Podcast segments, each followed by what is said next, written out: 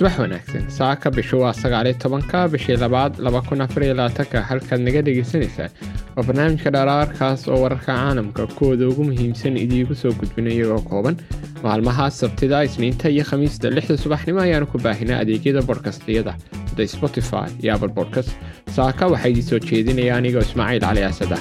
soo dhowaada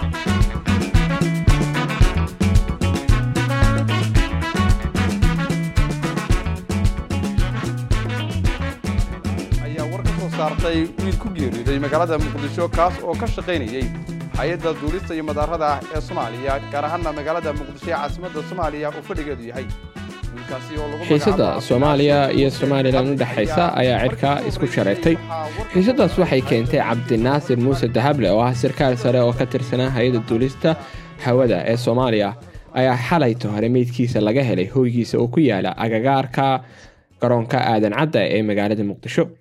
saaxiibada cabdinaasir ayaa walaac ka muujiyey kadib markii ay ka guuldaraysteen inay la xiriiraan taasoo keentay in la helo meydkiisa. Xaalad shaki lehna abuurtay. Inkastoo ayna jirin war rasmi ah oo ka soo baxay mas'uuliyiinta dowladda soomaaliya oo ku aadan geerida mudane cabdinaasir ayaa haddana wararka ugu horeeyey waxay muujinayaan in la dilay. Sidoo kale loo dilay qaab aada u foolxun oo qayb ay ka tahay in loo adeegsaday xadhig ama ciijin oo kale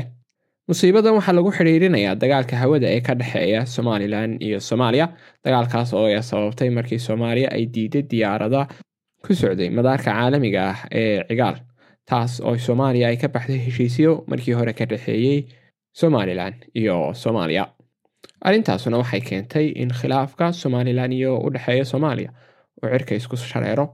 muqdisho ama soomaaliya waxay sheeganaysaa in maamulka hawada keligeed xaqu leedahay somalilanna arrintaa way ka biyo diiday qorshe la doonaya in ciidamada etoobiya laga sameeyo somalilan oo qeyb muhiim ah ka ah heshiiska is-afgaradka ah ee dhex maray dowladda federaalk etoobiya iyo jamhuuriyadda somalilan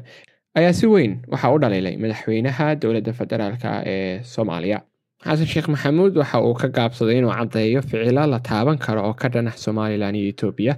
haddana tibaaxaha uu ka bixiyey dagaalkii toddobaatan iyo toddobadii ee etoobiya iyo jamhuuriyadda soomaalida dhex maray iyo xuduudka labada dal ee lagu muransan yahay ayaa keenay in la xasuusto xiise taariikhi ah oo ka dhexaysa labada dhinac. Dhanka kale siyaasiyiin badan oo caan ah oo soomaaliya ayaa si bareer ah ugu ololeynayay colaad ka dhan ah etoobiya iyo somalilan taasuna waxay keenaysaa shaki badan oo ku hareereysan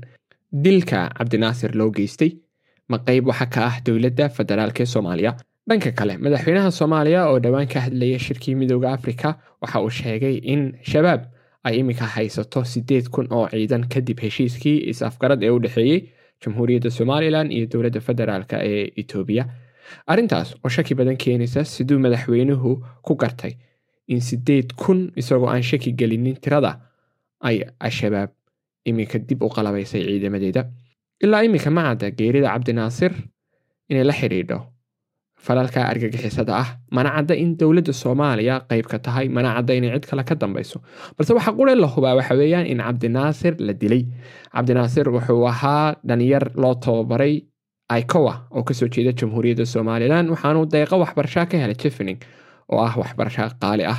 cabdinaasir wuxuu ahaa aqoon-yahanada dhalinyarta ah ee jamhuuriyadda somalilan u soo kacaysa. Dhammaan ehelka qaraabada cid walba oonu ka tacsiyadaynaynaa dilka loo geystay cabdinaasir waa dil qorshaysan waxayna u eeg tahay inuu qeyb ka yahay dagaalka hawada ee u dhexeeya jamhuuriyadda somalilan iyo dowladda federaalk ee soomaaliya. Waana inaan laga hadhin dadyowga geystay dilkaas. Saaka intaas ayay ku eegtay warbixinteennu maalin qurux badan oo fiican ayaan dhammaantiin idiin rajeynaynaa nabaday